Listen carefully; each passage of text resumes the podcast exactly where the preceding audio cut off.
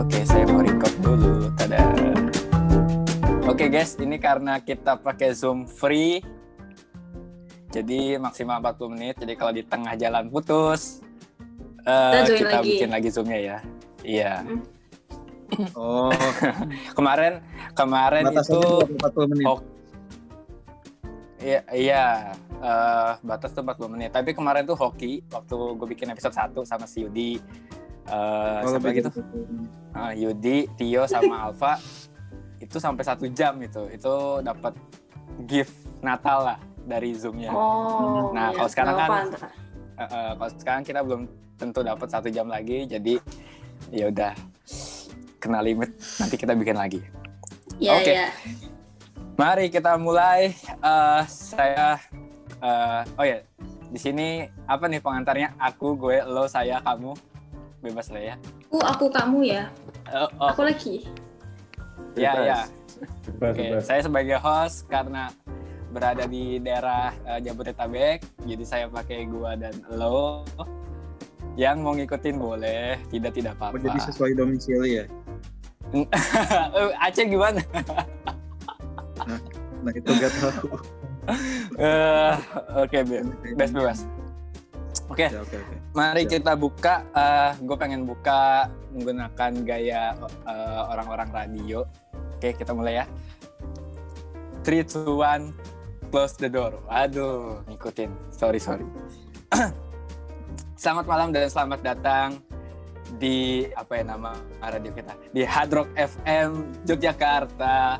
Eh, kembali lagi kepada acara kesayangan kita, podcast kesayangan kita, bincang-bincang Maya dan hari ini kita kedatangan tiga tamu yang istimewa, weh, lebay sekali. Eh, ya, ini tiga orang alumni teknik fisik. Eh sorry, eh ya tiga, eh satu dua tiga empat, Lima, lima. iya empat orang. Kok gue ngitung tiga ya? Oke, Eh, ada empat orang ten- alumni teknik fisika. Eh, semuanya berprofesi, berprofesi sebagai instrumen engineer. Jadi pada kesempatan kali ini, pada episode kali ini, eh, podcast kita khusus untuk ngebahas instrumen engineer. Nah, kalau lu udah nonton episode pertama, ya gua biasanya perkenalkan diri dulu, tapi oke di sini gua anggap lu udah nonton episode 1 jadi udah tahu gua tuh siapa, kerjaan gua apa dan eh, gua ngapain aja di kerjaan gua. Sekarang mari kita masuk ke inti pembicaraan, tapi sebelum itu mari perkenalkan diri masing-masing. Gua lempar ke salah satu dari kalian. Oke, siapa Ya, yang mau mulai. duluan? Kopi. Oh, Bobby. Aku dulu lah. Oke, Bobby silakan. Halo teman-teman, perkenalkan saya Bobby Aulia, eh, alumni dari Teknik Fisika UGM angkatan 2015. Eh, asal-asal dari Garut, umur udah 23 tahun. Sekarang kerja di Pertamina Gas. Eh, ditempatkan di perbatasan Sumatera Utara dengan Aceh, perbatasan Sumatera Utara dengan Aceh eh, sebagai supervisor distrik HSE. Oke, mungkin itu aja. Oke, Lanjut yang lain. oke, thanks Bob. Next. Siapa? Ayo, ayo, ayo. Aku boleh deh, aku deh. Oke, Za, silakan. Halo teman-teman semuanya, selamat malam. Buat Bima, Farhan, Dendot, Dendi, Bobby, dan juga Ipat. Dan juga semua, mungkin teman-teman dunia maya penonton channel atau kontennya Bima, selamat malam. Perkenalkan, tahu siapa tuh? Perkenalkan, eh, namaku Edza Finanda Fausta, biasa dipanggil Edza boleh, Eta boleh, di kerjaan juga dipanggil Eca juga boleh. Eh, sama seperti Bobby, aku alumni Teknik Fisika UGM angkatan 2015. Asal dari Purwokerto, umurnya OTW 23 tahun dan sekarang bekerja di industri telekomunikasi di Tower Bersama Infrastruktur Group. Kasih. Salam Oke, kenal nice, semuanya. thanks. Za. Lanjut. Siapa siapa? Farhan, Dendot. Yo, Wes Dendot dulu. Dot. Oke. Selamat malam para penonton setiap podcast Bima. Perkenalkan nama saya. Dendi Junior Wijaya. nama saya Dendi Junior Wijaya, alumni Teknik Fisika 2015. Asal saya dari Jogja. Nah, sekarang saya berprofesi sebagai instrumen instrumen engineer di PT Pupuk Kalimantan Timur. Oke. Oke, dan terakhir Farhan. Thank you, Dot. Oke, eh, terima kasih buat Bima dan juga teman-teman yang lain. Eh, perkenalkan, saya Farhan. Saya alumni Teknik Fisika Angkatan 15. Sama kayak Dendot, saya juga dari Jogja. Sekarang alhamdulillah di Jogja juga. Untuk saat ini saya kerja di PT Trakon Industri. Itu adalah salah satu kontraktor dan planning service di Jakarta. Oke. Oke, oke, thanks Farhan. Oke, eh, tadi gue lupa. Eh, jadi latar belakang dibentuk eh, podcast ini atau video ini eh, adalah banyak yang nanya di Instagram, DM ke gua, kayaknya sih anak-anak SMA sih ya. Eh, banyak yang nanya bahwa teknik fisika itu sebenarnya kerjanya apa sih? Kerjanya ngapain? Soalnya ada yang bilang dia nggak didukung sama kakaknya karena takut eh, kalau masuk teknik fisika malah nggak bisa kerja di mana-mana gitu karena teknik fisika tuh agak kerjaannya agak nggak jelas gitu. Terus ada yang bilang juga eh, kerjaan di teknik fisika itu nggak ada di job vacancy mana pun, di perusahaan mana pun gitu tertera secara eksplisit.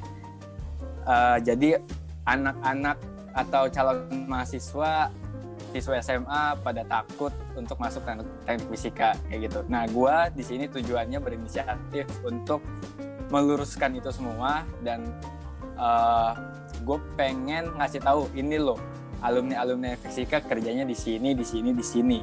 Jadi tetap masih ada peluang untuk eh, mendapatkan pekerjaan walaupun kita sebagai lulusan teknik fisika kayak gitu. Nah terkait itu kita masuk ke pertanyaan satu. Eh, pertanyaan satu adalah gimana pengalaman kalian ketika daftar kerja sebagai lulusan teknik fisika? Tapi sebelum itu, kayaknya gue belum dengar ini deh. Eh, coba eh, jelasin secara singkat apa sih yang kalian kerjakan di tempat eh, kalian masing-masing. Dimulai dari Edza deh. Singkat aja. Terus nanti baru jawab Oke, pertanyaan. ya. Eh, tadi seperti yang sudah aku sampaikan di perkenalan tadi, sekarang aku bekerja di industri telekomunikasi. Tepatnya di perusahaan PT Tower bersama Infrastruktur Group. Jadi ini eh, B2B gitu ya, nama apanya ya? Nama bisnisnya gitu B2B. Hmm. Kalau secara singkat intinya adalah penyedia jasa telekomunikasi. Salah satu produknya itu tower tower telekomunikasi yang seperti teman-teman biasa lihat di jalan yang bentuknya mungkin 11 11 12 mirip dengan tower sutet, tapi ini Oh, oke. enggak ya gitu. Biasanya warnanya merah putih merah putih Kalau gitu ya. kerjaanmu ngapain? Eh, kalau pekerjaanku sekarang memegang operator XL khususnya di project planning dan monitoring. Jadi eh, karena penyed- provider telekomunikasi kan ada banyak, ada XL, ada H3i, ada Telkomsel, Indosat dan lain-lain dan itu eh, aku sendiri di sekarang diamanahi untuk sebagai account em, menghandle account XL. Oke, oke. Sekarang masuk ke pertanyaan tadi. Gimana pengalaman Edza pas masuk eh pas daftar kerja sebagai lulusan teknik fisika? Oke, ini inginnya jawaban ideal atau cerita-cerita pengalaman aja, Bim? Pengalaman aja, based on experience. Oke, berdasarkan pengalaman ya. Iya.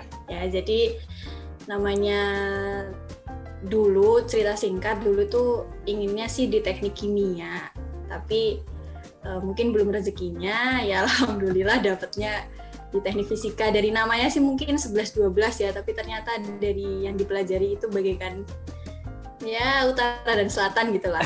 Terus eh, mulai di zaman eh mulai masuk masa-masa skripsi kan pasti kita udah sedikit nyicil pengen lihat eh, apa namanya sih karir apa tuh namanya job fair gitu kan sambil cari-cari Hmm. dulu biasanya tuh atau tanya-tanya ke alumnus biasanya pada kerjanya di mana nah idealnya pasti kan kita pengennya sesuai dengan eh, yang yang di passion atau yang diinginkan gitu kan misalnya di instrumen engineer kita kan biasanya terkenal dengan instrumen engineer gitu atau biasanya di bidang itu jadi dulu ya Hmm.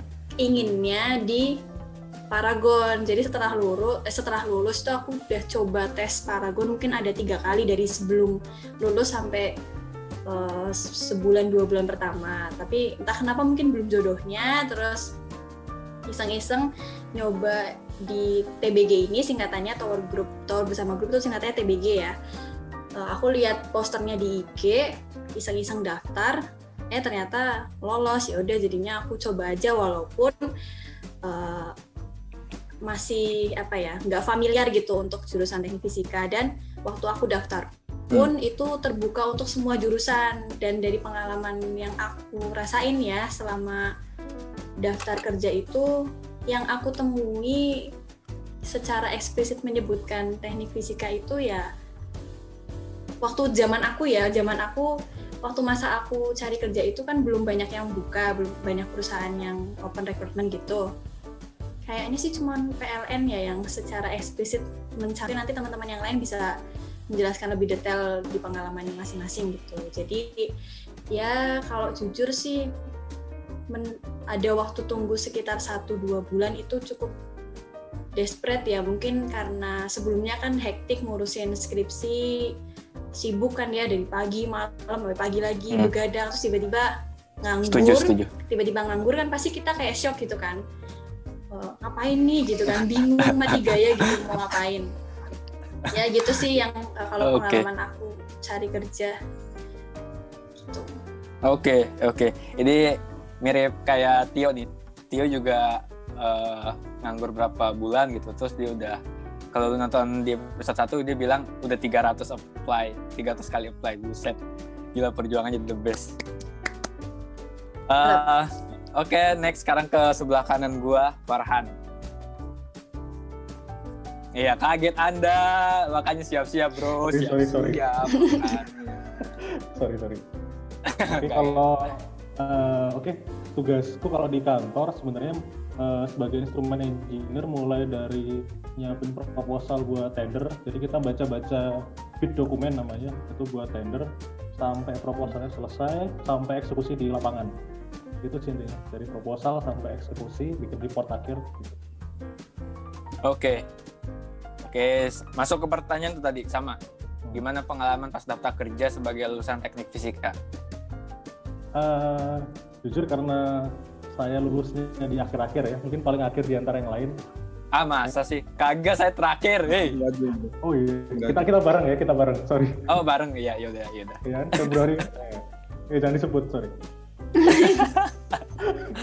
Udah kesebut ya. Lanjut. Padahal sidangnya bareng Han. sorry dan waktu itu tuh tinggal dikit lah seperti dibilang tadi kalau yang menyebutkan secara eksplisit instrumen engineer dikit banget dikit banget ada pun cuma perusahaan kayak oil and gas gitu yang biasa nyebutin perlu teknik fisika dan alhamdulillah eh, ini saya dapat kerjaan ini kalau dapat lowongan dari LinkedIn di chat ada lowongan daftar keterima dan alhamdulillah udah apa ya saya malah kerja dulu sebelum wisuda jadi nggak ikut perpisahan bareng Bima waktu itu sorry Bim Waduh, ini nih emang nih nyuri start Anda ya. iya iya iya Oke. Ah, udah?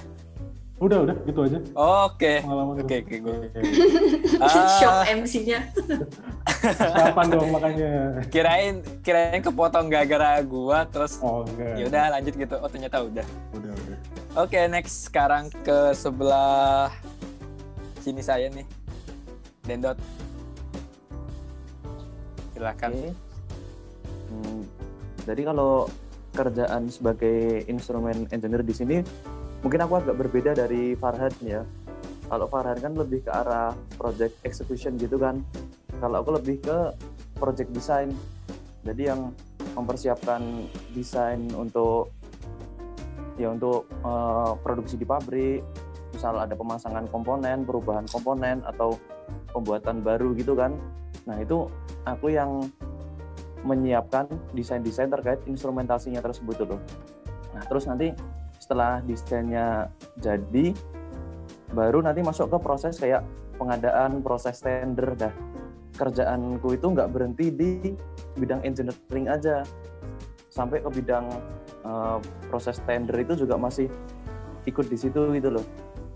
Jadi nggak cuma keteknikan, juga bikin kayak apa ya namanya uh, rencana anggaran gitulah. Oh, Jadi ketika kita membuat juga? Tender gitu. nggak presentasi sih. Uh, Oh. Jadi pertama nih kita bikin dokumen dokumen desain dulu kan. Nah setelah dokumen desain jadi nanti terus bikin itu kayak rencana anggarannya. Nah setelah itu baru kita tenderkan gitu loh. Nih di tempatku ada project Ya, ya, Pak. bangun ini harganya misalnya sat- eh, 10 m. Nah kira-kira siapa yang bisa dengan anggaran 10 m itu mewujudkan desain yang seperti ini? Ya Ya. Oh, kurang lebih kayak gitu sih. Wow. Jadi lebih itu ke kamu dari gitu. nol sampai jadi desainnya. Mm-mm. Ya nggak nol banget sih sebenarnya desain tuh eh, itu sih tipikal gitu loh Bim. Jadi nggak bener-bener dari nol gitu loh. Sebenarnya udah ada yang serupa, cuma kita tinggal niru gitu loh. Tinggal niru Oh, dan modifikasi. Nggak pure Hmm. dari nol aku yang desain. Hmm. Itu sih Oke, lebih. siap, siap. Oh, lumayan. Dan itu lintas disiplin banget Bim. Oh iya. lintas Disiplin disiplin, banget itu. Hmm. Ya kan di sini aku instrumen kan, otomatis juga aku perlu koordinasi sama orang mechanical, orang piping. Nah yang paling penting itu sama orang proses itu. Nah jadi Oh, sangat lintas disiplin banget. waduh. Jadi kalau kalau berarti eh, kamu mentransfer eh, desain ke orang-orang anak mesin dan anak proses tadi. Eh, terus nanti kamu kumpulin hasil dari jadi kamu ngedeliver ini loh desainku terus kasih ke anak mesin kasih anak ke proses nanti dari anak proses sama anak mesin ini ngasih hasil apa ya mungkin hasil kerjaan dia ke kamu terus kamu bikin dokumennya kayak gitu Hmm. Kalau biasanya Oh. desainnya tuh malah dari itu teknik kimia dulu Bim. Jadi orang proses bikin kayak namanya basic design gitulah. Gambaran proses secara umum gitu loh, secara general. Nah mungkin dari nanti jadi dari instrumen itu mendetailkan gitu loh. Nah misal ingin menjaga Oh, tekanannya segini. Nah misal aku pengen tekanan boilernya tuh segini dari proses. Nah dari instrumen nanti Oke. menyediakan peralatan yang sesuai dengan proses tersebut dulu. Kalau Oh, udah oke. nanti bagian mechanical cari material yang pas kayak gimana, terus nanti ke sipil juga pondasinya seperti apa gitulah.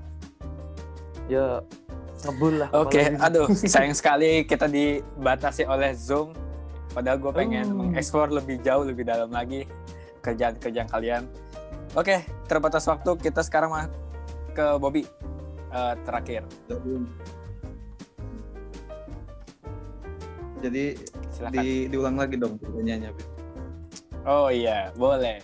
Jangan lupa deskripsikan secara singkat apa yang Anda kerjakan di tempat kerja Anda.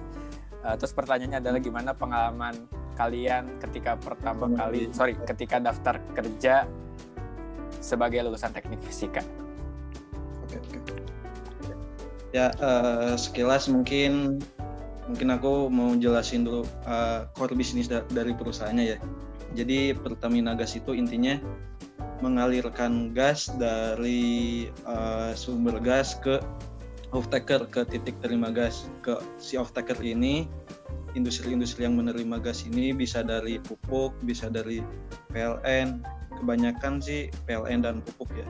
Nah, gas yang ditransport dalam uh, dalam tentang beberapa kilometer itu dikenakan biaya. biaya. Jadi intinya mirip Tiki lah, mirip Tiki. Eh sorry, malah sebut merek ya. Tiki, Nggak. Si- Di sini tidak ada batasan Iya, apa pun. Karena ini kan YouTube-nya belum dikomersilkan kan. Betul sekali Anda. Mudah-mudahan, mudah-mudahan bisa komersil. Mudah-mudahan Nah, dikomersilkan. jadi Tahun Jadi mungkin uh, sekilasnya analoginya Pertamina Gas itu Tiki atau JNI JNE-nya gas lah. Yang mengantarkan gas sampai ke uh, off taker sampai PLN sampai pupuk. Nah, aku di sini kerjanya sebagai supervisor distrik HSE. Jadi intinya Oh, kirain uh, bisa jadi tuh. Enggak. Nah, uh, supervisor listrik H- HSE jadi uh, kewajibannya atau tugasnya memonitor aspek HSE di perusahaan lah. Aspek HSE-nya ya meliputi APD, uh, alat perlengkapan diri, terus bagaimana pekerjaan uh, beberapa pekerjaan operasi bisa bisa aman, gimana memonitor uh, kesehatan atau keselamatan setiap pekerja lah intinya gitu. Nah beda beda dengan mungkin uh, Edza, Farhan sama Dendi ya, yang mungkin lebih fokus ke project. Kalau di Pertamina Gas ini ya intinya ada perusahaan yang uh, bisnisnya project, ada perusahaan yang bisnisnya user atau pemilik aset lah. Jadi filosofinya bukan uh, membuat jadi untuk perusahaan-perusahaan yang pemilik aset nih, seperti misalkan PLN, Pertamina atau dan segala, segala macamnya, misalkan pupuk juga sebenarnya pemilik aset. Jadi filosofinya ya filosofi operasi, gimana menjaga atau menjalankan aset engineering yang ada supaya profit gitu. Kalau project kan mungkin uh, konsepnya uh, dibatasi waktu, ada goals goals tersendiri, ada desain tersendiri ya.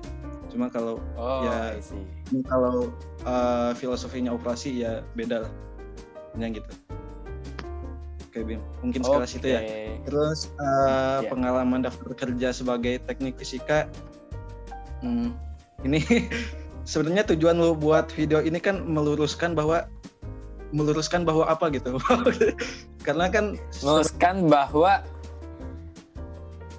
Iya. fisika itu bisa kerja. Nah, tapi enggak maksudnya tapi realitanya eh, yang yang aku alami itu ya memang tidak banyak tidak banyak lowongan yang menuliskan teknik fisika gitu. Nggak banyak paling beberapa misalkan tadi udah kayak disebutkan ada PLN ada Pertamina dan segala macamnya karena memang eh, apa karakter dari jurusan teknik fisika sendiri eh, apa ya general tapi spesifik gitu mungkin gimana ya ya Waduh, gitu sih Susah intinya nih. General tapi spesifik. eh, jadi intinya pertama kali apa bagaimana rasanya eh, saat pertama kali daftar kerja ya ya susah. Susah karena memang nggak banyak lowongan yang menuliskan teknik fisika tapi mau apa pun lowongan itu ya aku daftarin lah intinya gitu. Nah itu loh itu. Nggak banyak eh, jurusan teknik fisika yang ditulis gitu secara eksplisit. Tapi kita tapi ini alumni semua nih daftar-daftar aja gitu. Jadi orang tuh mikir ih teknik fisika nggak ada di job vacancy berarti nggak ada kerjaannya gitu nggak ada yang mau ngambil teknik fisika. Kan nggak gitu juga. Dilihat dari pengalaman kan bisa di udahlah gue daftar aja gitu. Walaupun ini eh, nggak ada teknik fisikanya gue daftar aja. Kali aja berkaitan kayak gitu. Itu yang pengen gue lurusin. Mungkin eh, nama nambahin dikit bim ya. Karena mungkin kan teknik fisika belajarnya general jadi mau itu lowongan cuma buka untuk teknik kimia mau itu lowongan cuma buka untuk teknik teknik elektro arus lemah ya di didaftarin aja di disikat aja gitu. Karena kan kita juga belajar. Intinya gitu sih. Betul. Betul sekali. Saya setuju 100% itu itu. Bener banget. Oke, ada tambahan Bob? Duh, ntar mati iPad gue oke udah udah oke ya Ah, Ya, sementara satu itu aja dulu. selesai. Sekarang pertanyaan dua nih. Pertanyaan dua kayaknya sama pertanyaan tiga nyambung. Jadi pertanyaan dua adalah gimana pengalaman kalian ketika pertama kali masuk kerja sebagai lulusan teknik fisika. Jadi kalian membawa nama teknik fisika terus masuk ke tempat kerja. Pertama kali itu rasanya apa? Kalau gue tuh kan tempat gue kan eh, IT ya. Gue teknik fisika masuk dengan penga- dengan pengetahuan IT yang sedikit tuh rasanya kayak Wah mati nih gue nih kalau gue ditanya-tanya IT, udahlah mampus fix, fix ketahuan gue nggak bisa apa-apa.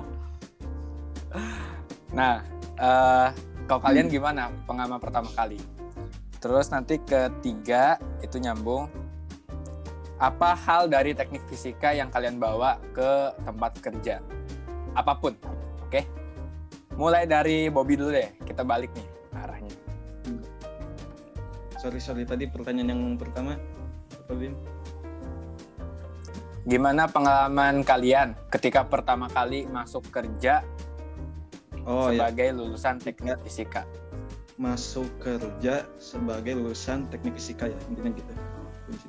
Nah eh, kalau di perusahaanku kan memang ya proses lah gas terus ya instrumennya ada dan instrumen ada prosesnya ada. Kalau misalkan eh, apa rasanya sebagai lulusan teknik fisika yang masuk di perusahaan dengan core bisnis seperti itu ya orang-orang eh, ekspektasinya lumayan lumayan tinggi sih sebenarnya.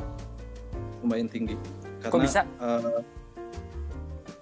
karena beberapa ya udah pada tahu bahwa teknik fisika tuh ya belajar proses ya belajar instrumen juga ya. Nah, cuma memang dari eh, jumlah orangnya memang belum punya malah ya belum banyak sih belum banyak. Malah mungkin kayaknya belum ada sih kalau kalau di Pelaminagas ya mungkin belum. Wah gila. Gokil, pionir, Bobby pionir, fix. Jadi ya ekspektasi ekspektasi ada eh ya intinya mungkin ekspektasi dari orang-orang ada cuma ya apa ya karena mungkin belum terlalu banyak alumni teknik fisika di sini jadi belum begitu kelihatan lah Oh, oke, oke. Jadi, tapi eh, berarti nggak kayak apa ya? Lingkungannya udah welcome lah. Oh ini anak teknik fisika udah tahu. Jadi nggak kayak aneh banget masuk kayak gitu pertama kali. Hmm, ya ya intinya gitu kalau dari persepsi orang-orang kerja sih Oke. seperti Nice, bagus, bagus. Oke, next sekarang Dendot. Oke. Dendi, sorry. Nah ini mungkin eh, aku agak beda dari teman-teman yang lain kan, karena aku di sini tuh awalnya dari dari magang gitu loh. Nah aku masuk sini karena magang, terus eh, setelah magang enam bulan, alhamdulillah di hire gitulah pokoknya. Nah jadi mungkin eh, eh, aku bakal cerita ke awal aku magang dulu kan. Aku magang ya udah setahun yang lalu dari Januari 2020 kan. Pertama kali datang gitu kan ke departemen kan departemenku engineering gitu loh. Aku pas itu belum tahu bedanya di engineering terus sama lapangan tuh apa belum tahu gitu loh. Ya masih ya masih buta gitulah.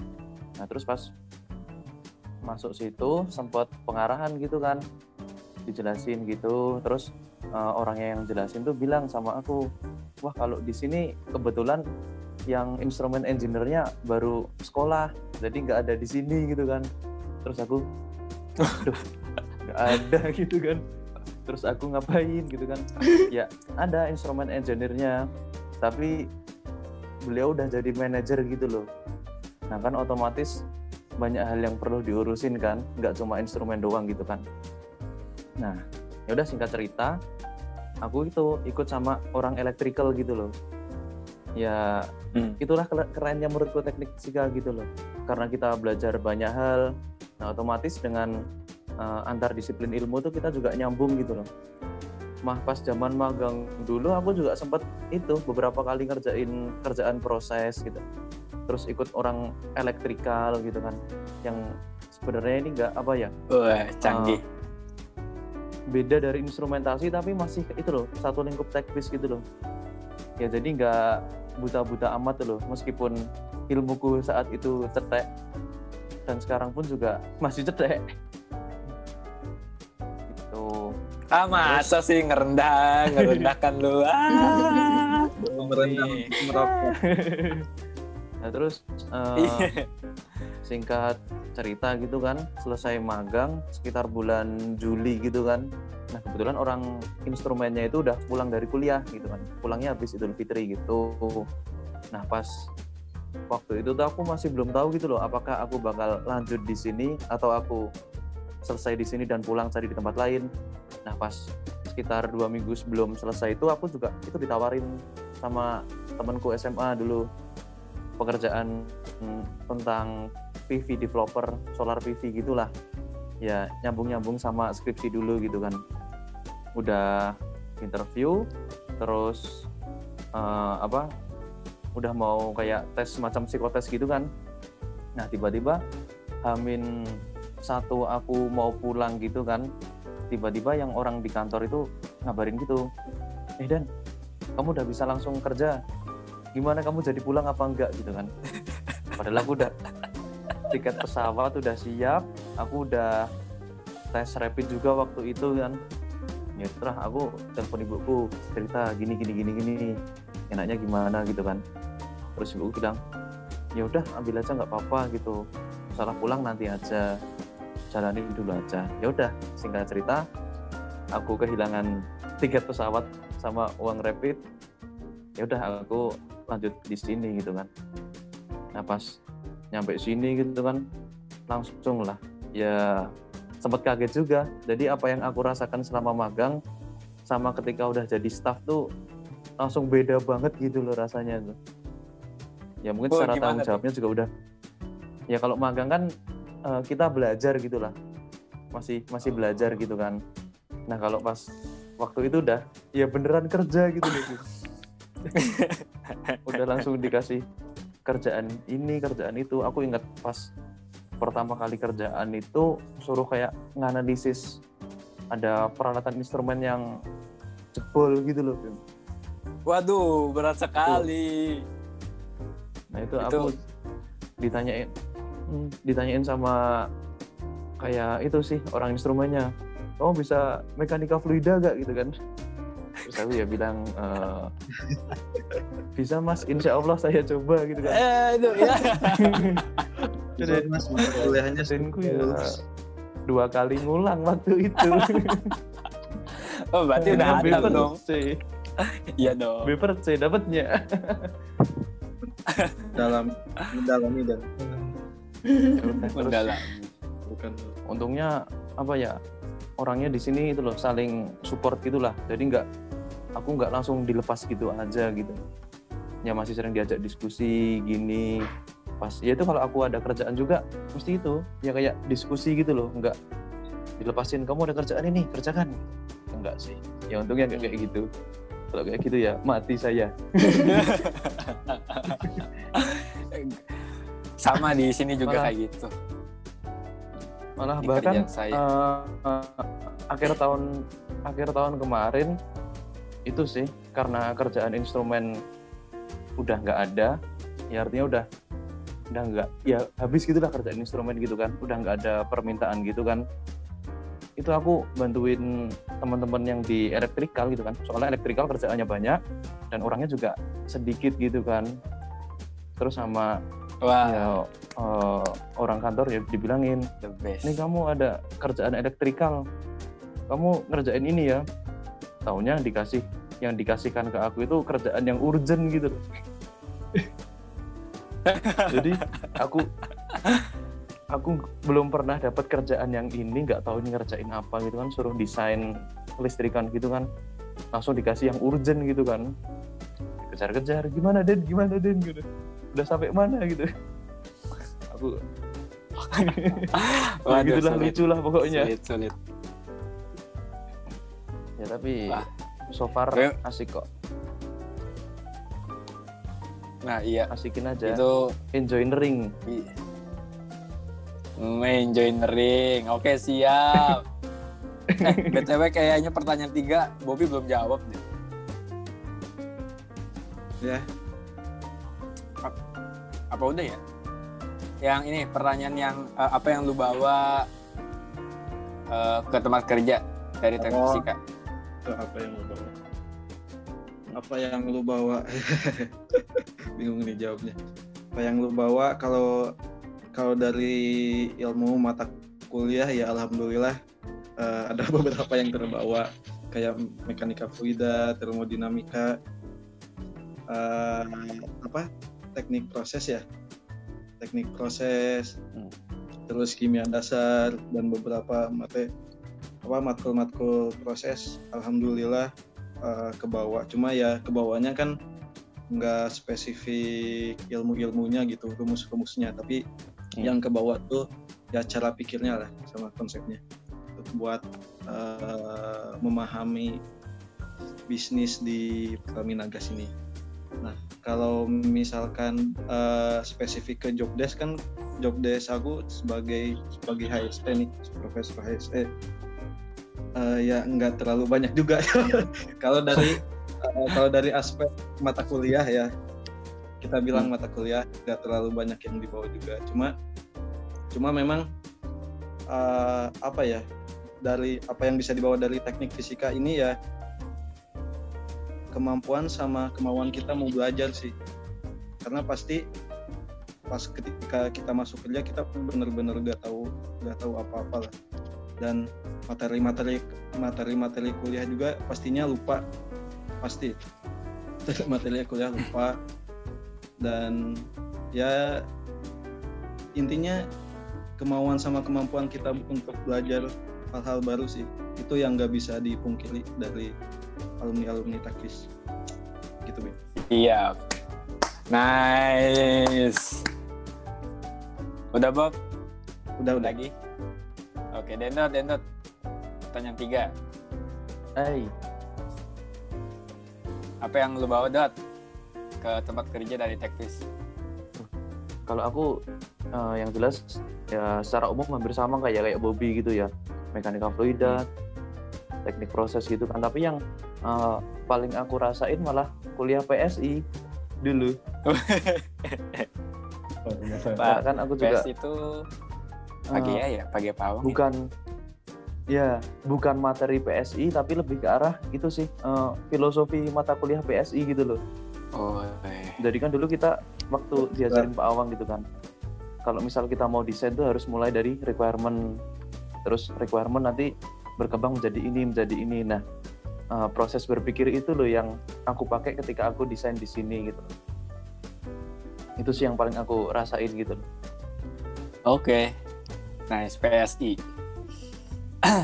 oke okay, lanjut. Farhan Farhan. Oh, aku ini nih emang ini kebiasaan nih ada ada uh, kalau aku waktu pertama kali kerja, jadi kebetulan di tempat kerja aku itu ada alumni juga Techbase UGM. Beliau 2000. Wih, enak dong. Iya, enak, enak. Jadi emang dari awal ekspektasi orang-orang lain juga udah kayak tinggi gitu soal teknik fisika. Karena lihat alumni yang apa ya, yang sama aku itu kemampuannya emang udah top lah dibandingkan aku yang baru masuk. Jauh lah, jauh banget gitu. Jadi di awal-awal waktu aku masuk itu aku semingguan apa ya ada kayak gabut aku cuma diminta buat belajar PNID ulang kayak baca-baca hmm. PNID kayak gitu terus hmm, oke okay. dan apa ya ya nyambung ke pertanyaan nomor tiga tadi ya apa yang dibawa sekalian ya boleh uh, banyak sih gitu. Begitu masuk saya udah ditanya tentang KKS number tau gak? KKS number? Nggak tahu kan? Nah biasanya kan kita akrabnya sama ISA. Standar standar ISA PNID-nya ISA kan oh. instrumen standar kayak, association kayak ISA ISO ya? Ya ISA. Yang kayak TI 2031 Ansi. gitu. Nah gitu. Kalau KKS tuh dia dari Jerman standarnya buat power plant. Kayak gitu lah waduh. Terus kayak, gimana tuh? Kan kamu belum belajar kayaknya KKS jelas belum belum belum. Ya tinggal belajar aja gitu. Kayak ya semuanya nggak tahu kenapa sih kayak semuanya tuh harus dipelajarin ulang gitu materi-materinya. Uh, itu yang pertama. Terus yang kedua itu begitu kerja setelah saya belajar seminggu drawing itu tadi sama kayak dendot lah uh, requirement. Jadi kan kita kerjanya di plan service ya jadi misalnya ada plannya dendot PKT gitu perlu service gitu ya kita ngitung biaya kita itu berapa gitu yang kita charge ke mereka itu kan perlu dihitung per item. Nah itu aku kemarin sempat apa ya kayak ngitung per itemnya gitu loh dari beberapa puluh drawing PNID ada indikator ada berapa, transmitter ada berapa, switch ada berapa kayak gitu. Itu yang isi-isinya sih. Hmm. Berarti hampir um, bikin dokumen juga kayak Dendot, mereka Nah, desain gitu. Beda beda beda. Aku malah Beda. memenuhi requirement-nya Dendot. Dendot bikin requirement, aku memenuhi requirement-nya Dendot. Oh, Nah, oke. kayak Dendot minta kan ini bikinin ada transmitter di sini gitu, ngirim data ke sana. Aku yang detain lagi nanti. Cara ngukurnya pakai apa gitu, ngirimnya pakai apa, Itu karena- apa gitu. Eh, sorry sorry nambahin. Itu karena kan perusahaan Dendi sebenarnya eh, pemilik aset sebenarnya konsep. Iya, betul. dia mengoperasikan aset. Cuma memang Dendi kerjanya di fungsi yang eh, menentukan proyek lah. Hmm. Nah, berarti Ya. Dendot, Dendot bikin desain, terus ngespesifikin requirement-nya, Farhan ngelengkapin. Farhan yang mengeksekusi. Betul. yang Oh, eksekusi. Hmm. Oh, Bobby yang oke, maintenance. nice. Ya, Bisa deh. Bobby Apa- yang- apa tuh? Aku yang desain, Farhan yang mengeksekusi, Bobby yang maintenance. gitu lah Iya kira-kira. kan Bob? Boleh. boleh. oh, OM bisa kan? gitu ya. Bisa. Oke, oke. Bisa. Ada lagi nggak, Han?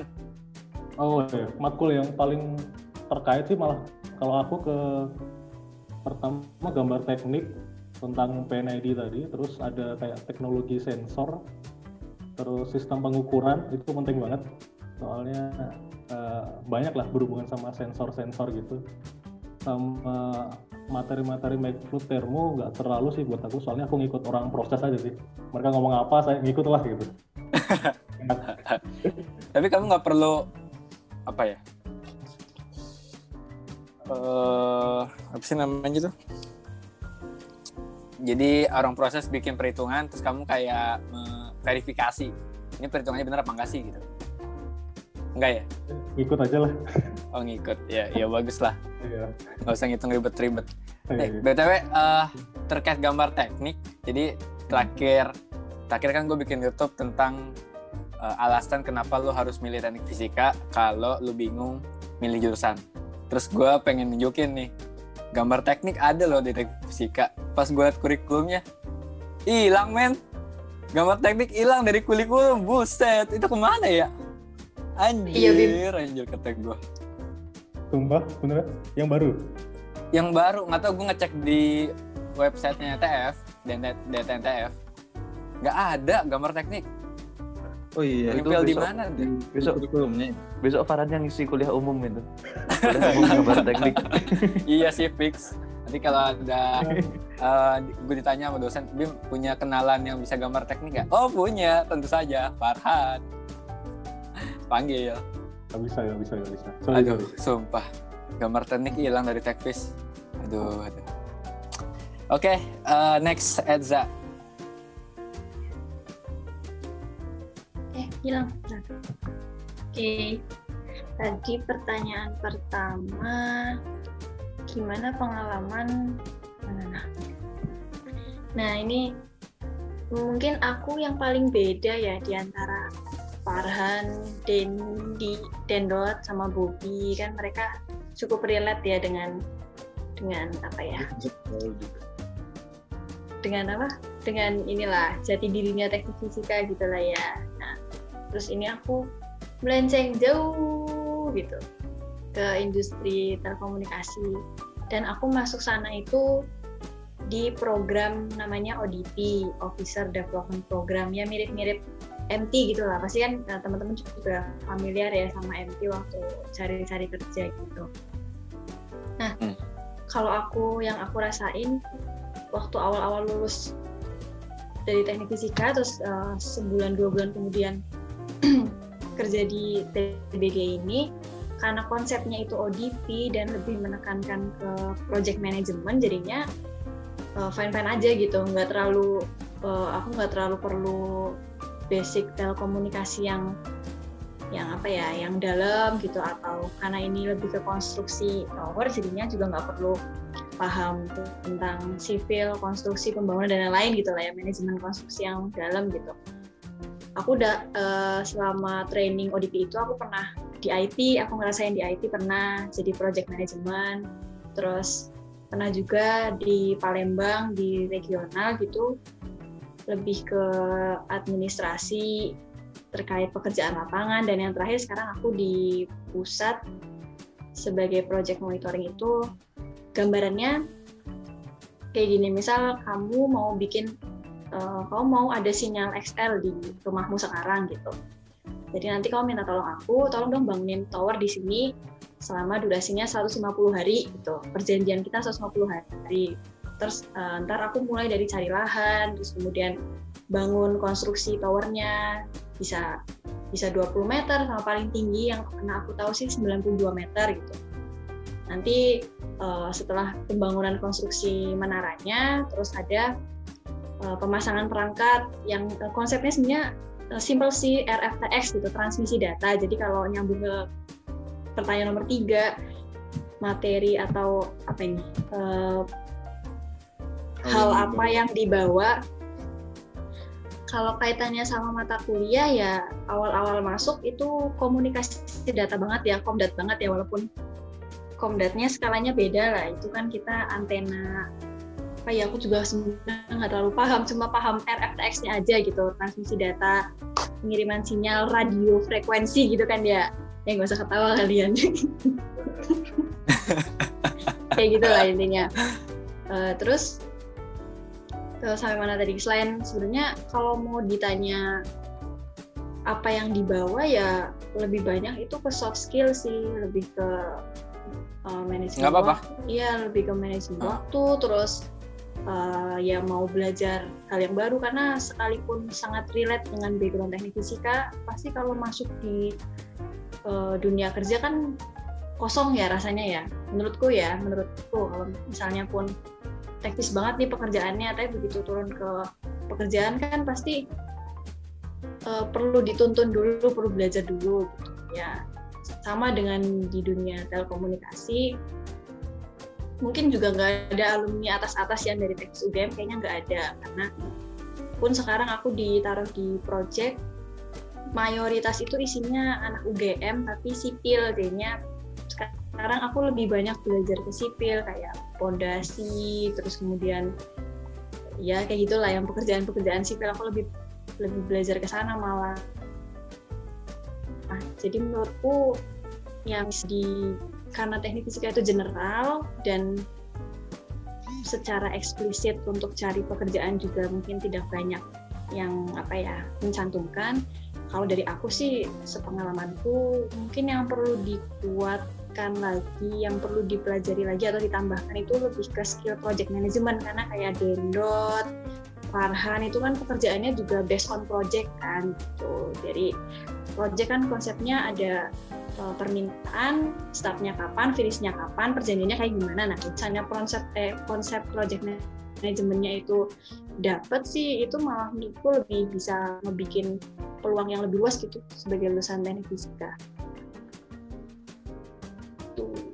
Oke. Nah, ini yang paling menarik karena Dendot, Bobby dan Farhan itu pas masuk pertama kerja langsung oh anak tek tekvis ya. Oh, Oke, udah kenal ya. Ini kayaknya Eza Eza masuk ke situ tuh kayaknya agak struggle, ya enggak? Nggak, nggak langsung dikenal tekvis kan? Struggle. Oh, ini tekvis. Iya pasti pasti kayak gini misalnya "Eh, dulu kuliah di mana di UGM oh UGM iya ya jurusan apa teknik fisika loh kamu harusnya bikin bom gitu di Batan jawabannya pasti gitu Kok bom sih? kamu harusnya bikin bom kamu harusnya ngerakit bom gitu ini perlu di perlu di notes nih Bim jadi jadi apa tuh Jadi namanya clickbait. clickbait juga nggak apa-apa Bim Teknik fisika bikin bom. Teknik fisika buat Siap. Iya kayak gitu sih yang aku Ntar buat preview pakai yang tadi aja. Mm. mungkin ada teman-teman lain juga pasti ngerasain hal yang serupa ya kalau misalnya masuk di dunia kerja yang nggak berhubungan langsung dengan background studinya gitu.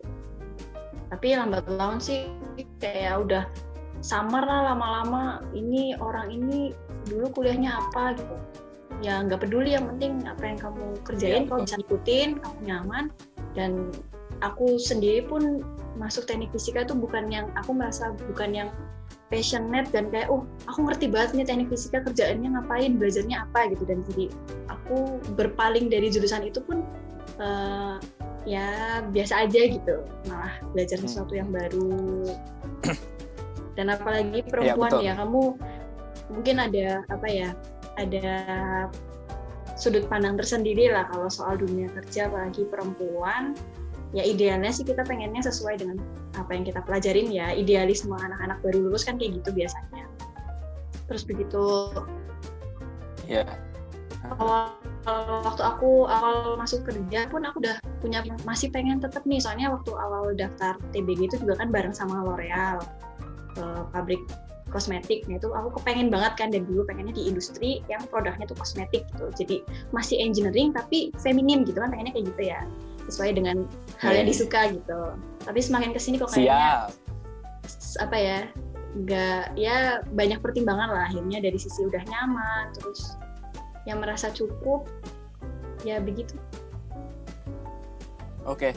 Nah, itu makanya eh itu tadi benar terkait hmm, kalau udah kalau kita udah lama kerja di situ emang jurusan teknik fisika atau jurusan background kita khususnya itu bakal samar. Makanya pertanyaan gue di sini pertama kali kerja itu pengalamannya gimana? Karena biasanya kalau misalnya kita pertama kali masuk kerja aja udah minder, takutnya itu ngerembet nanti ke hari berikutnya, ke bulan berikutnya, kayak gitu. Makanya mungkin itu bisa jadi motivasi. Makanya gue bikin pertanyaan itu biar biar jadi motivasi untuk yang dengar bahwa ini loh, eh, misalnya gue masuk ke tempat kerjaan yang nggak relate sama sekali dengan teknik fisika, hari pertama kerja aja gue harus kayak gini. Gitu.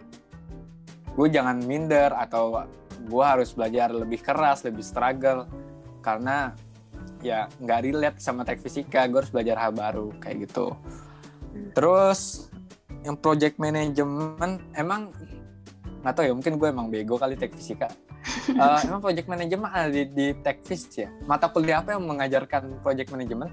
Ada yang tahu? Seingat aku enggak ya. Apa aku enggak nangkep atau gimana makanya aku merasa malah eh, apa ya di dunia engineering itu konsep project management itu perlu gitu. Apalagi kalau levelnya kita mau ngejar eh, apa ya kenaikan apa sih jabatan gitu kan semakin tinggi manaj- posisi manajerial kan yang dihandle cakupannya makin luas kan nah itu kan sebenarnya udah bukan menyentuh ke hal yang sifatnya teknikal lagi, bukannya engineering lagi, tapi kan lebih ke project management gitu maksud aku. Terus juga aku mau nambahin kalau misalnya eh, nanti nih ada anak-anak yang terjebak gitu di teknik fisika, ya ibaratnya eh, aku salah satu contoh bukan contoh ya, aku salah satu orang yang juga tersadarkan kalau oh ternyata pekerjaan itu nggak nggak melulu soal oil and gas, nggak melulu soal pertambangan, perminyakan gitu yang memang wow dan orang eh, apa ya orang tuh familiar gitu lah dan cita-citanya banyak orang gitu kan. Ada bidang-bidang industri lain tuh yang ternyata juga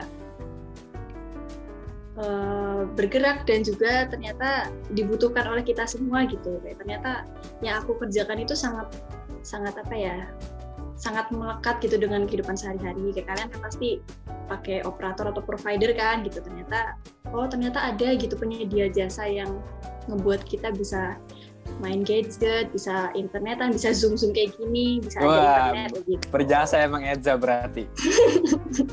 Ya Tadi dong. aja. misalnya tempat saya belum ada internet telepon Eza Za bangunin tower dong. Langsung ada internet wah emang berjasa the best. Gitu sih itu yang itu yang juga perlu kamu apa ya mungkin bisa bantu Bima share ke adik-adik yang suka nanya kalau memang ingin dan penasaran dengan teknik fisika ya apa ya supaya juga sedikit membuka pikirannya gitu kalau pekerjaan itu nggak cuma yang apa ya yang biasa umum gitu yang biasa kita tahu biasa kita kenal gitu Oke, nice. Terima kasih uh, advice-nya Eza. Mari, ini BTW udah sejam ya. Zoom kita tidak mati. oh Kita mantap dapat bonus lagi. Kau pakai yang Ya udahlah. premium ya, Bim? Kagak, bener basic, bro, basic. jangan-jangan ntar kamu ada tagihan per tahun Bim No, Gak apa-apa. no. YouTube belum dapat duit. Rekor dong saya. Yo wes lah. Oke, sekarang lanjut ke pertanyaan dua terakhir. Karena ini juga saling berkaitan.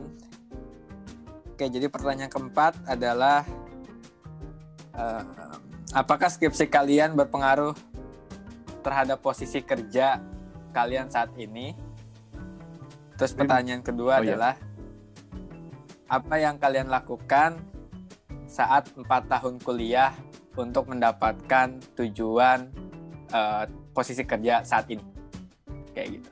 waduh Siapa ya? Farhan nih kayaknya nih. Kenapa aku? Ada. Oke oke oke oke. Jadi eh, pertanyaan pertama dulu ya tentang skripsi. Kebetulan saya skripsi bareng Ya. sama salah satu oknum yang ada di sini gitu ya.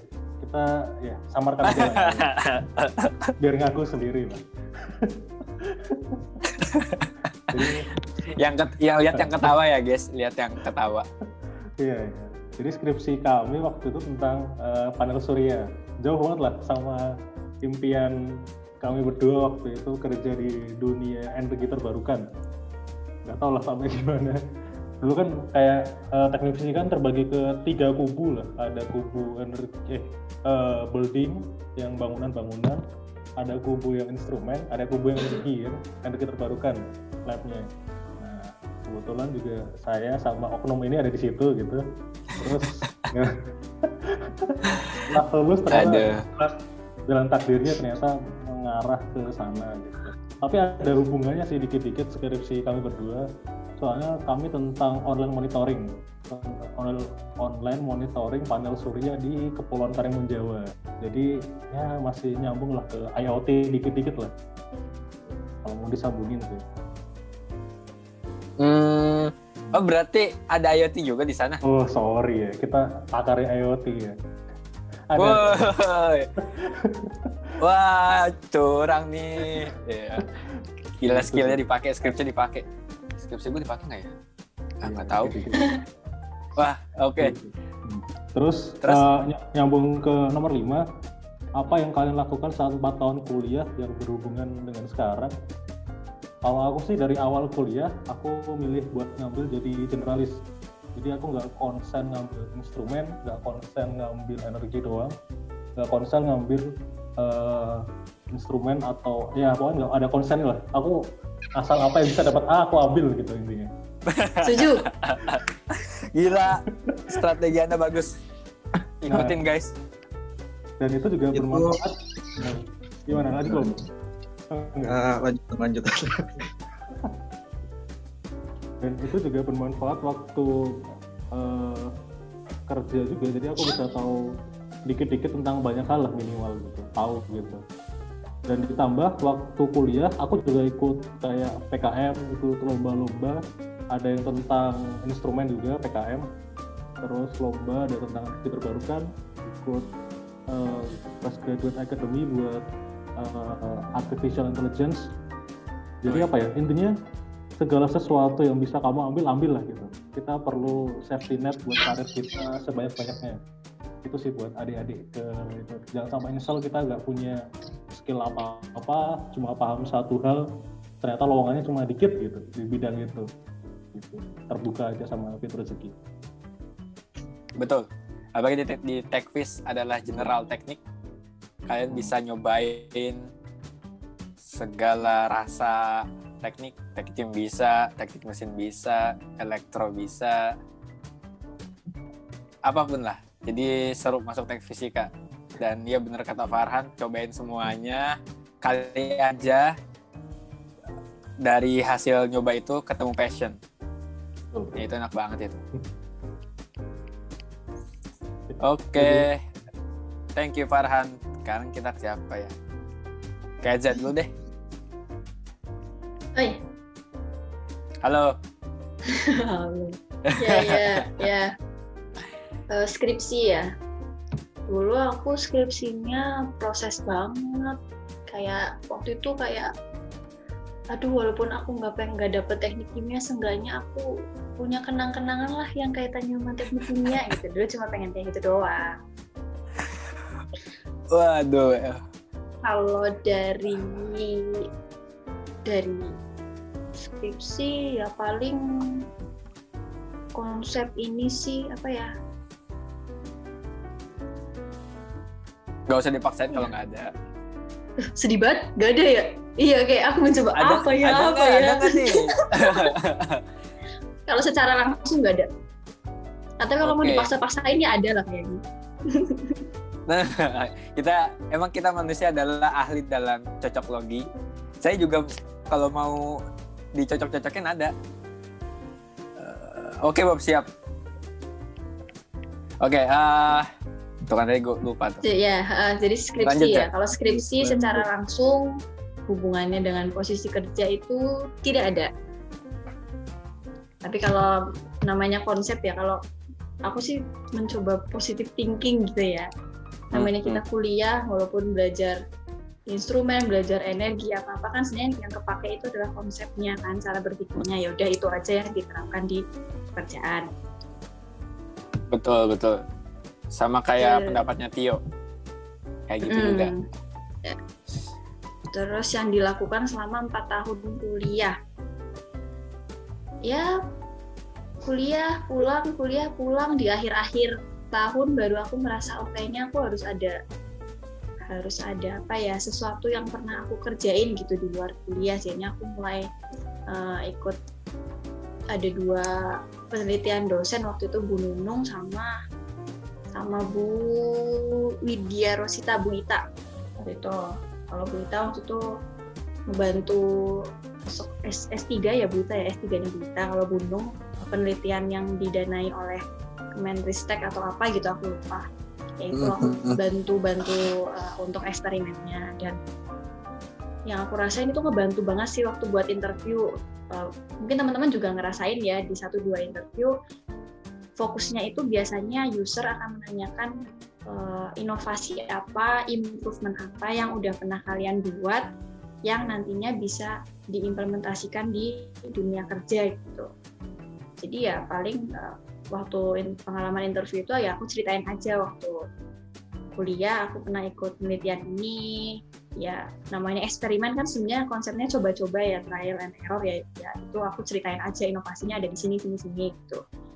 Gitu. Jadi kalau untuk uh, apa tadi? Ya itu. Oke, oke, nice. Eh, karena 10 menit lagi Bobby ingin udahan izin. Jadi silakan Bobby duluan. Ya. Jadi sorry teman-teman ada agenda mendadak tiba-tiba ya. Jadi izin 10 menit lagi dari sekarang. Mungkin langsung jawab pertanyaan yang eh, nomor berapa Bim? Nomor 4 ya tadi ya? Ya. Yang hubungan skripsi dengan pekerjaan sekarang. nah, jadi cerita dikit eh, skripsi aku itu intinya eh, menerapkan program pengolahan sinyal menerapkan program pengolahan sinyal ke PLC atau DCS atau SCADA untuk mendeteksi kontrol loop yang eh, bermasalah. Kontrol loop eh, misalkan kontrol temperatur yang menjaga temperatur di set sekian atau kontrol level dan eh, kontrol pressure misalkan dan lain-lain. Nah, si program pengolahan sinyal itu diimplementasikan ke eh, apa pemrograman PLC yang yang sudah support industri 4.0. Jadi di mana konsepnya udah modular lah, Wow, modular. wah Eh, keren. Setiap setiap field device atau setiap remote unit eh, ada programnya tersendiri intinya gitu. Ya mungkin anak-anak Pak anak-anak Pak Awang Tit udah pada tahu pasti disuruh pakai Yudin, Yang harusnya ada Yudin sini. Aduh, gue lupa. hubungan eh, skripsi dengan eh, dengan pekerjaan sekarang kalau dibilang sih bener-bener gak ada ya Yeay, ada temennya. bener-bener gak ada karena skripsinya skripsi itu bukan bukan semua karena memang skripsi skripsi teknik teknis kupikir udah terlalu eh, advance untuk sekedar diterapkan di dunia kerja gitu karena kan dunia kerja ya ya biasa dunia kerja yang basic-basic aja paling basicnya ya sekedar komunikasi kerjasama sama pengetahuan-pengetahuan engineering dasar lah. Nah jadi kalau secara ilmunya memang nggak terlalu diterapkan sih. Ini. Beda mungkin beda mungkin kalau misalkan dari teman-teman nanti kerja di perusahaan konsultan misalkan konsultan atau lembaga lembaga penelitian mungkin eh, skripsi apa ilmu-ilmu di skripsi kalian teori-teori di skripsi kalian akan terpakai lah intinya nggak sia-sia cuma kalau dari eh, apa cara kita perjuangan perjuangan kita untuk menyelesaikan skripsi sih nggak ada nggak ada yang sia-sia lah itu pasti gimana Betul. struggle-nya Setuju. gimana Saya. gimana gimana struggle-nya kita menyelesaikan skripsi itu gak akan sia-sia lah itu pasti eh, terpakai sebagai pengalaman di dunia kerja. Itu sih soal skripsi ya. Terus yang kelima yang kelima tuh apa bim? Sorry pertanyaan. Itu eh, apa yang kamu lakukan selama 4 tahun untuk mendapatkan posisi pekerjaan saat ini? apa yang dilakukan selama empat tahun? Eh, tahun pertama tahun pertama Ayo ya, ya. Bob. sampai bingung tahun Eh, nggak usah detail-detail sekali. Eh, pertama ya kuliah eh, ada ikut Geprek. organisasi eh, BEM. Bukan ngeband ya.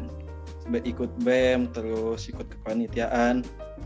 Tahun kedua masih sama kuliah terus masih ikut eh, kepanitiaan masih ikut organisasi. Tahun ketiga sama kuliah ikut organisasi ikut kepanitiaan.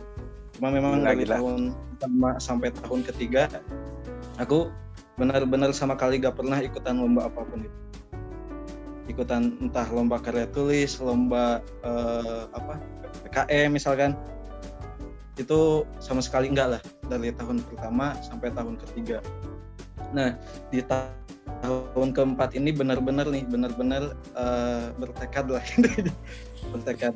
Karena dari tahun pertama sampai tahun ketiga belum pernah ikut lomba-lomba belum pernah ikut PKM pokoknya belum ada prestasi akademik lah intinya.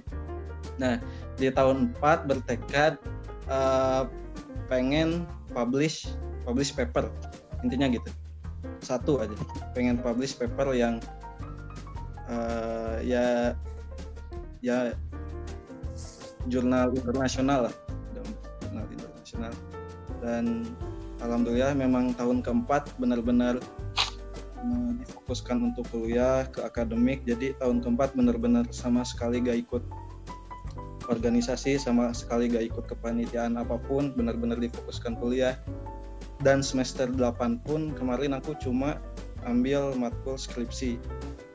Jadi benar-benar gak ada matkul kuliah lain lah intinya.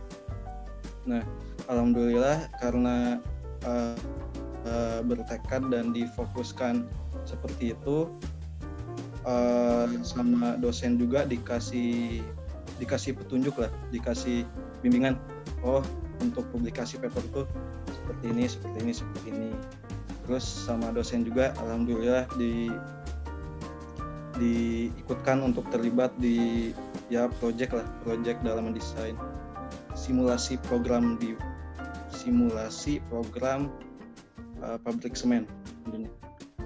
Nah jadi di semester 8 tuh benar-benar uh, semacam anak buahnya dosen mungkin ya. Anak buahnya dosbing lah. Anak buahnya dosbing uh, alhamdulillah bisa tulis paper bisa submit paper udah publish uh, tahun ini bulannya lupa. Nah itu alhamdulillah eh publish di mana men? di jurnal IEEE cuma prosesnya oh, lama kemarin. gila. Karena, kan uh, prosesnya lewat konferensi yang diadakan UGM sendiri yang di mana peserta-pesertanya kebanyakan dosen-dosen UGM mahasiswa-mahasiswa UGM jadi memang proses submitnya sampai bisa benar-benar publish di jurnal itu bisa satu tahun itu memang udah lama Nah, ya itu wow. berkat berkat dosbing juga sih. gak mungkin saya gak, uh, gak mungkin saya bisa itu tanpa dosbing. Jadi itu yang uh, yang aku kejar dari tahun pertama sampai tahun keempat.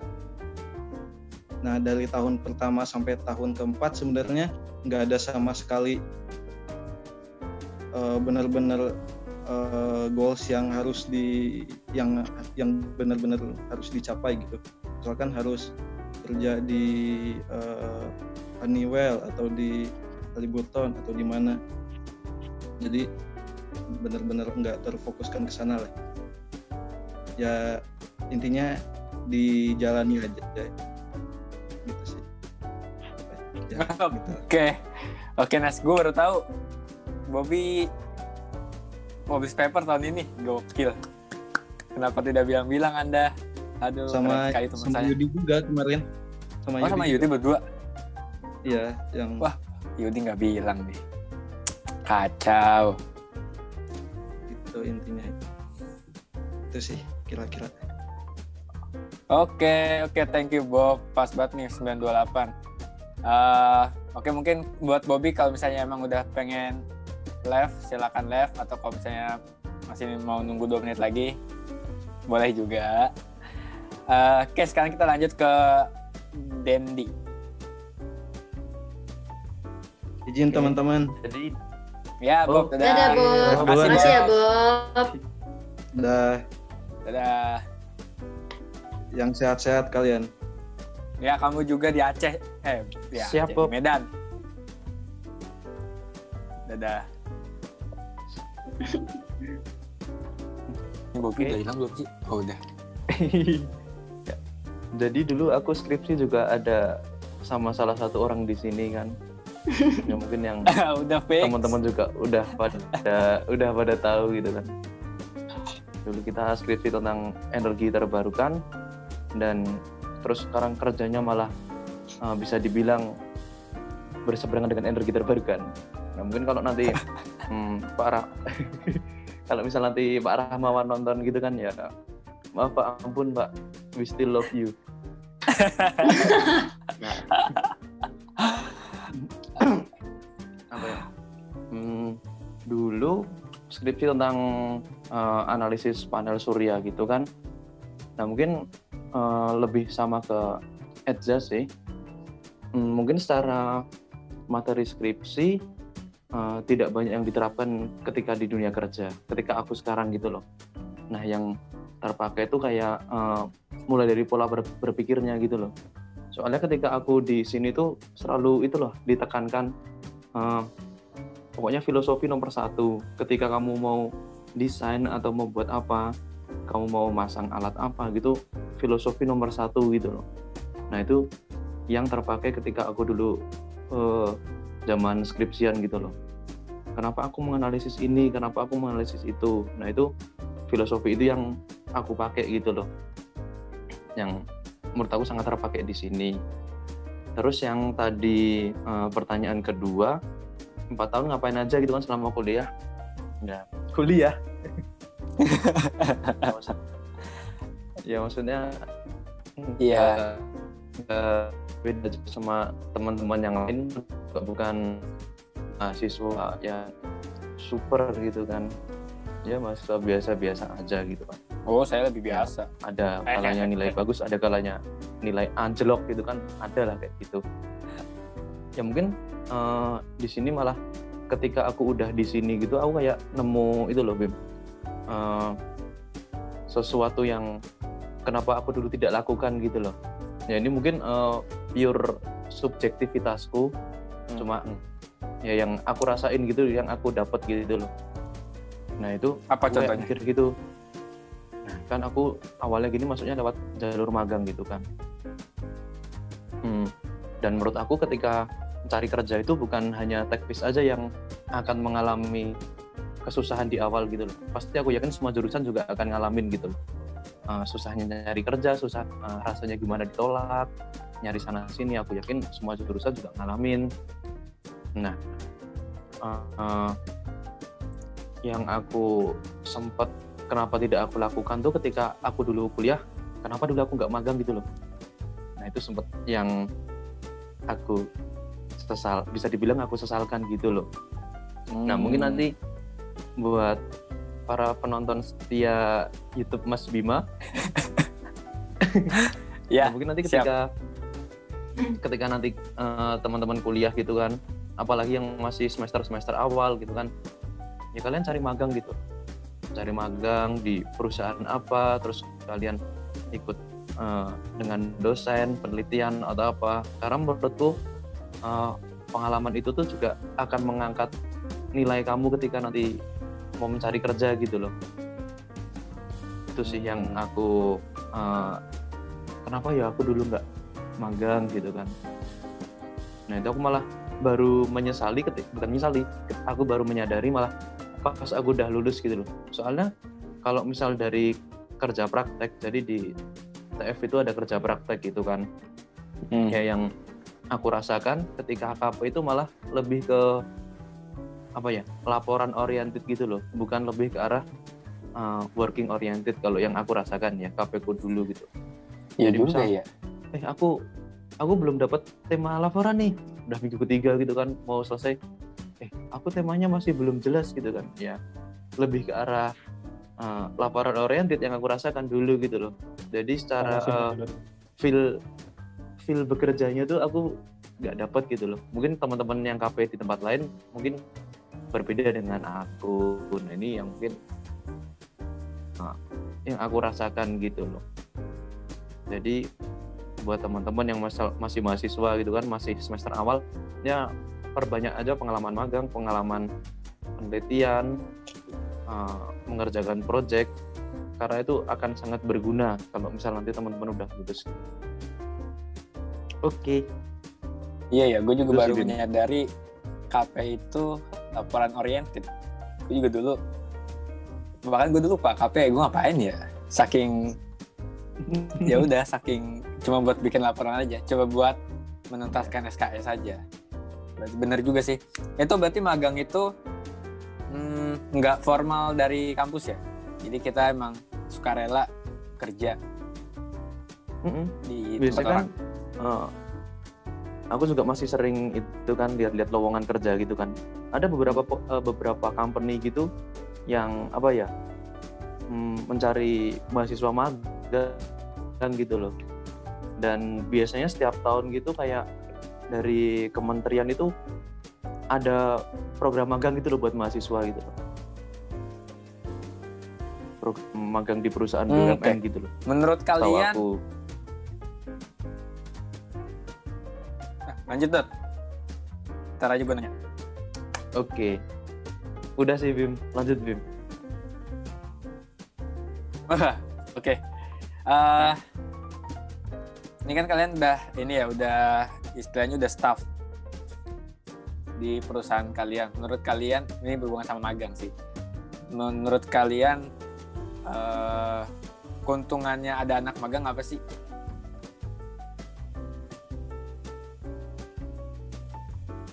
Maksud Keuntungan ada Siapa? anak magang bagi siapa? Jadi kayak Bim? bagi bagi kalian. Jadi kan anak magang eh kan kan kalian udah staff nih. Misalnya gue udah staff. Terus eh tadi kayak Dendot kan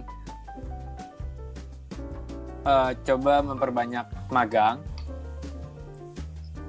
Nah, itu kan kalau dari perspektif anak magang, dia bakal dapat pengalaman kan. Nah, kalau ki- dari kita sebagai perspektif staff di perusahaan tersebut, ngeliat anak magang, gimana sih? Sekedar itu aja, perspektif aja, nggak? Walaupun belum pernah, Hmm, Misalnya. Aku dulu Bim yang ngawalin ya Bim. Karena aku dulu juga magang. Eh, mungkin yang jelas kalau dari aku itu perusahaan itu terbantu gitu loh Bim. Terbantu dengan adanya anak magang. Nah terus aku juga pernah ngobrol juga sama temanku eh, yang dari ITB gitu kan. Jadi eh, ada beberapa perusahaan gitu yang rekrutmennya tuh dari jalur magang gitu loh Bim. Jadi misal eh, enam bulan kamu magang, nah selesai magang tuh nanti bisa diangkat jadi staff gitu loh Bim. Soalnya kenapa seperti itu? Karena ya orang-orang udah tahu loh kamu karakternya seperti apa, kinerjanya bagaimana. Nah daripada nanti aku nyari orang lain, aku harus ngelatih lagi. Kenapa nggak kamu aja yang jadi staff? Nah, betul betul, bisa bisa kayak gitu. Itu itu, makanya untuk kalian perbanyaklah magang kalau ada kesempatan. Oke, eh, yang lain mau berpendapat atau enggak? Oh, paling kalau aku sepengamatan aku ya di kantor itu kalau di tempatku lagi gencar-gencarnya untuk memperbanyak anak-anak magang. Dan eh, dulu aku kira kalau magang itu kan mirip-mirip KP ya. Tapi kalau misalnya di di tempatku itu eh, magangnya itu magang serius gitu Bim. Jadi emang udah dikasih dikasih eh, SOW udah dikasih apa ya udah dikasih job desk dan juga eh, ada uang saku lah istilahnya. Ada gajinya ada gajinya ya tapi memang tidak setara dengan staff yang sudah karyawan tetap gitu. Kalau dari sisi perusahaan ya tentu itu sangat membantu banget. Eh, ibaratnya biasanya kalau anak magang kan lebih ditaruh ke kerjaan yang sifatnya administratif ya ya nggak sih? Kalau di aku ya lebih ke penyelesaian pekerjaan yang administratif belum terjun langsung ke yang teknikal lah. Kalau misalnya di Denot belum yang engineering banget kalau di tempatku belum yang teknikal banget gitu. Hmm. dan itu juga kalau aku lihat sih itu eh, banyak sih teman-temanku yang jadi karyawan tetap yang dulu awalnya itu dari magang dari magang setahun. Seta, minimal kalau nggak salah enam bulan atau setahun gitu. Terus di, jadi diangkat jadi karyawan tetap dan itu juga kalau dari sisi perusahaan pasti menghemat biaya rekrutmen kan ya. Soalnya Hmm. ngerekrut karyawan itu kan juga dananya besar. Makanya orang-orang orang-orang HR mungkin ya yang lebih paham orang-orang HCM eh, cenderung lebih suka yang sudah magang gitu yang sudah pernah magang gitu. Usernya juga Oh. otomatis sudah kenal dan kita juga nggak ada double cost gitu kan untuk merekrut orang melatih orang dari awal. Gitu yang tadi diceritain sama Dendot gitu Setuju, setuju. Farhan mau nambahin? Tahu. nambahin aja sih. Dikit dari overall sama kayak Dendot sama Edza tapi lebih ke apa ya? Selain membantu juga lebih nge-refresh gitu sih kalau menurutku kalau ada anak magang gitu. Jadi selama ini kan kita kerja dapat ilmu dari senior banyak lah di otak gitu.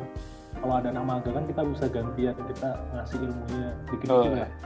jadi nggak terpendam doang di otak gitu Iya, oke, exactly. Mantap. Bisa transfer ilmu dari yang udah kita punya ke anak magang. Jadi kita ngerasain, oh gini jadi supervisor kalau punya bawahan. Oke, nice. Oke guys, eh, pertanyaan kita udah habis dan kita udah sejam lebih. Mungkin apaan tuh? TV rumahku kayaknya Oh, kaget saya. eh tadi apa? Ya, jadi pertanyaan inti itu udah terjawab semua. Semoga yang nonton ini, gue bikin pertanyaan itu sebenarnya ya dari gue sendiri sih, jadi bukan dari request orang. Jadi semoga pertanyaan yang gue bikin itu bisa menjawab semua kegelisahan, eh miskonsepsi tentang teknik fisika dan ya untuk tidak membuat teknik fisika itu terlihat menakutkan kayak gitu. Jadi sebisa mungkin gue pengen ngundang orang-orang yang bisa ngasih influence positif untuk teknik fisika khususnya ya. Nah, uh, karena pertanyaan itu udah habis, jadi kenapa gue bilang pertanyaan inti? Karena mungkin uh, di, setelah apa di luar pertanyaan inti itu tuh bakal ada pertanyaan-pertanyaan yang bakal gue tanyain kayak gitu untuk kalian. Untuk memenuhi atau untuk mempanjang waktu podcast. Tapi ternyata pertanyaan ini saja sudah sejam lebih. Jadi kita cukupkan aja pertanyaan ya inti. Uh, mungkin penutup nggak usah sih. Kok di episode satu gue nggak ngasih kayak oke okay, ada advice nggak dari kalian tapi kalau misalnya kalian ada advice silakan ngomong habis itu nanti kita akhiri tapi kalau uh, nggak ada udah cukup semua udah clear kalian udah menyampaikan uh, pengalaman kalian semuanya udah keluar, advice juga udah keluar semuanya, it's okay. Jadi kita bisa akhiri. Uh, nah, ada yang mau ngasih advice dulu nggak sebelum kita tutup?